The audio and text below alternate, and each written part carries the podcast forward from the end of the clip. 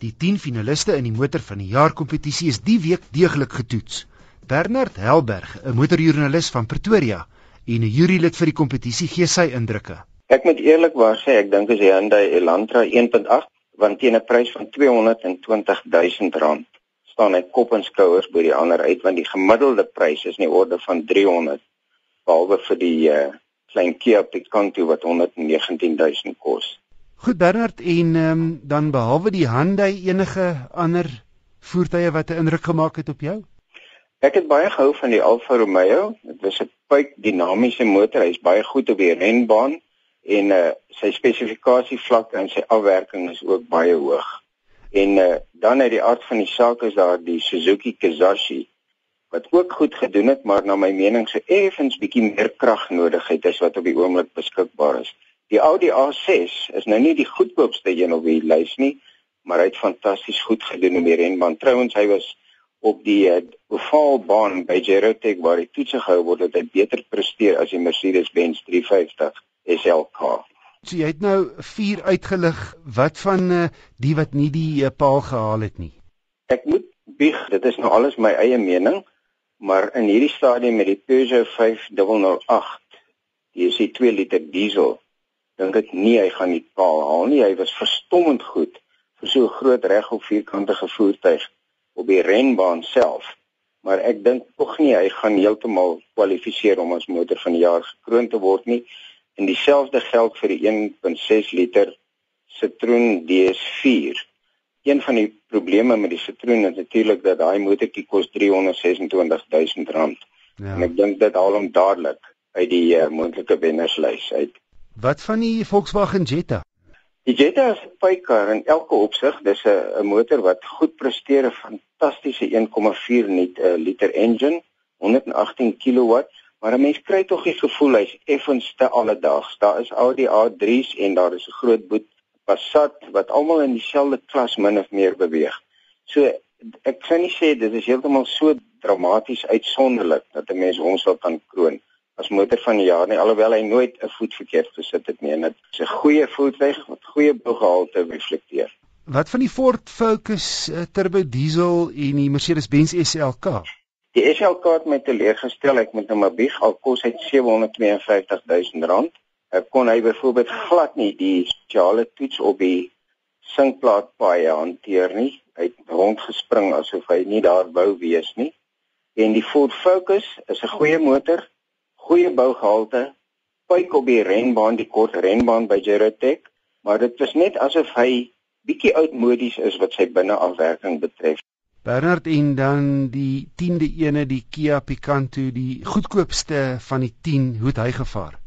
Verstommend goed. Ek was dol oor die Kia Picanto. Dis fantastiese waarde vir geld, maar of hy dit heeltemal gaan maak as die kroondraer, so ek betwyfel. Hy het 'n bietjie gesukkel ook op die sinkplat oppervlaktoetse in die sin dat 'n mens moet verstaan hy is baie lig en hy het 'n kort as afstand met ander woorde hy sou rondspring wat hy toe ook gedoen het uit die hart van die saak. Maar die Picanto is 'n fantastiese motortjie met fantastiese goeie bougehalte.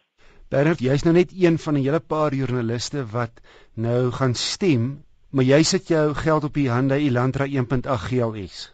Ja, nee, verseker, ons was 29 jurylede en die toetsdag was nou eergister donderdag gewees en uh, dit was 'n heeldag storie gewees by Gerotech net wes van Pretoria maar ek dink in hierdie stadium van die wedstryd sou ek my uh, geld op die Elantra plaas. En hierdie karre is deeglik getoets nie daar's verskeie bane by Gerotech en dan is daar statiese toets seker ook gedoen. Ja, daar is 'n uh, eh, selfs parkeertoetse gedoen om te kyk of daar enige bepaalde blinde kolle is met die uh, Citroen DS4 hy het 'n paneel agter wat maak dat jy amper nie 'n goeie uitsig het nie en dit maak dit baie moeilik om so relatief kort karretjie te parkeer.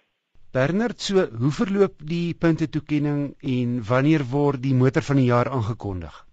Al 29 jurylede het nou 'n week tyd om die elektroniese vraelys in te vul en deur te stuur na die gilde toe waar dit alles saamgevoeg gaan word en uh die sommetjies gemaak word deur die ouditeure gekontroleer gaan word en dan is die aankondiging van die motor van die jaar op 14 Maart in Johannesburg. Bernard Helberg, 'n motorjoernalis van Pretoria. Die topmodel in die nuwe Hyundai Accent reeks is die GLS outomaties teen R173.900 met 'n 1.6 liter wat 'n gesonde 91 kW uitskop. Die Accent lyk nogal baie soos 'n kleiner weergawe van die Elantra, hoewel nie heeltemal so aantreklik as sy groter sedanboot nie. Wel aansienlik mooier en moderner as die vorige Accent met onvouligte voor en agter en 'n hoë baklyn wat hier vanaf die kattebak gedeelte geleidelik afdraande loop na voor. Die nuwe Accent is 7 cm langer. In praktyk meer spasie binnekant. 'n Klein kar is die Elantra beslis nie meer nie en ek kan met my langlyf hier agter inpas in die sit agter myself toets. Kortom vier volwassenes of twee volwassenes voor met drie kinders agter is heeltemal moontlik in wat as 'n klein en medium grootte gesinswa beskryf kan word. Hier's ook volop plek in die bagasieruim met 'n volgrootte spaarwiel. 'n Kenmerk wat eintlik standaard op alle voertuie moet wees om skade te voorkom, maar veral vanuit 'n veiligheidsoogpunt is drie sensors. Hoe nader 'n voorwerp, hoe meer aanhoudend die gonsgeluid. Behalwe die drie sensors het hy 'n radio-CD-speler, kragvensters en spieëls draadloose selfoon en musiekverbindings, sleutellose toegang en deure wat sentraal sluit, twee ligsakke voor en ABS remme met EBD, misligte en 'n ritrekenaar wat snaaks genoeg nie die buitetemperatuur gee nie. En die wiele is van staal met plastiese doppe. Die outokas het net 4 gange vorentoe. Die lekker sterk 1.6 maak egter op hiervoor dat my nie geplan en vierde rad is goed gerad vir die lang pad en hy het 'n tipfunksie waarmee jy self kan besluit in watter rad jy wil bly. Dit verhoed dat die radkas onnodig rondspring. Wat wel beter kon wees is die stuurgevoel. Die elektriese stuur gee nie terugvoer nie en sentreer nie van self nie. Die binneruim is plat op die aarde, maar tog netjies en baie funksioneel. Hier's niks wat pla nie. Die kwaliteit is heeltemal goed, ten minste op die vlak van die Ford Fiesta. Die Accent 1.6 GLS maak baie sin. Dis nou nie 'n opwindende sedan nie en persoonlik sou ek eerder die 5-spoed handrat verkies teen R164.900 of R9000 minder as die outomatiese model. Maar die Hyundai is 'n soliede, plat op die aarde gehalte produk met 'n toerusting vlak wat die meeste mense tevrede sal hou. Beter ware vir geld in die klas gaan jy nie sommer kry nie. Boonop kom 'n 5 jaar of 90000 km diensplan gratis met die koop van 'n Accent.